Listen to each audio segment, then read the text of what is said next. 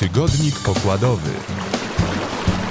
Żeglarskie podsumowanie tygodnia w mojakoja.pl I Love Poland, zwycięzca RORC Transatlantic Race, wystartuje w karaibskiej edycji regat Królewskiego Klubu. Po transatlantyckim zwycięstwie czas na Karaiby. Volvo 70 z całkowicie polską załogą pod dowództwem Grzegorza Baranowskiego wyruszy z Antigui w 600-milowy wyścig o zwycięstwo Nelson's Cup. W tej samej klasie z I Love Poland w szranki staną trzy inne załogi. Start już 20 lutego.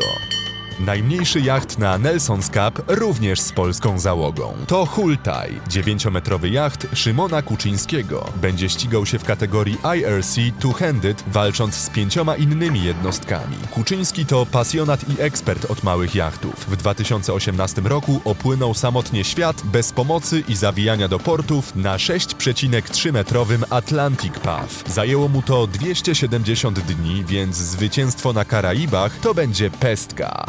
Wyzwania na drodze do Olimpiady w Tokio. Skrócony czas przygotowań w związku z przyspieszeniem Olimpiady w Tokio i sytuacja ekonomiczna na świecie utrudnieniem w olimpijskich przygotowaniach. Tegoroczny regulamin klasyfikacyjny uchwalony przez PZZ ma ułatwić przygotowania trenerom, pozwalając na koncentrację wyłącznie na najbardziej rokujących zawodnikach. Jak mówi Dominik Życki z PZZ, tak utworzone zespoły mają otrzymać pełne możliwe wsparcie i podlegać ściślejszej weryfikacji i analizie. Wszystko po to, by przybliżyć zawodników do zdobycia medali.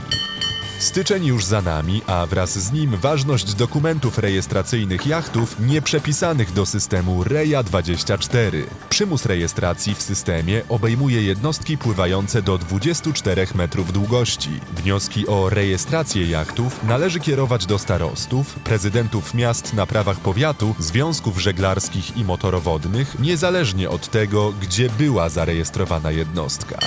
To był tygodnik pokładowy, czyli podsumowanie tygodnia w mojakoja.pl. Numer jeden w Polsce portal i aplikacja na smartfony z możliwością licytacji.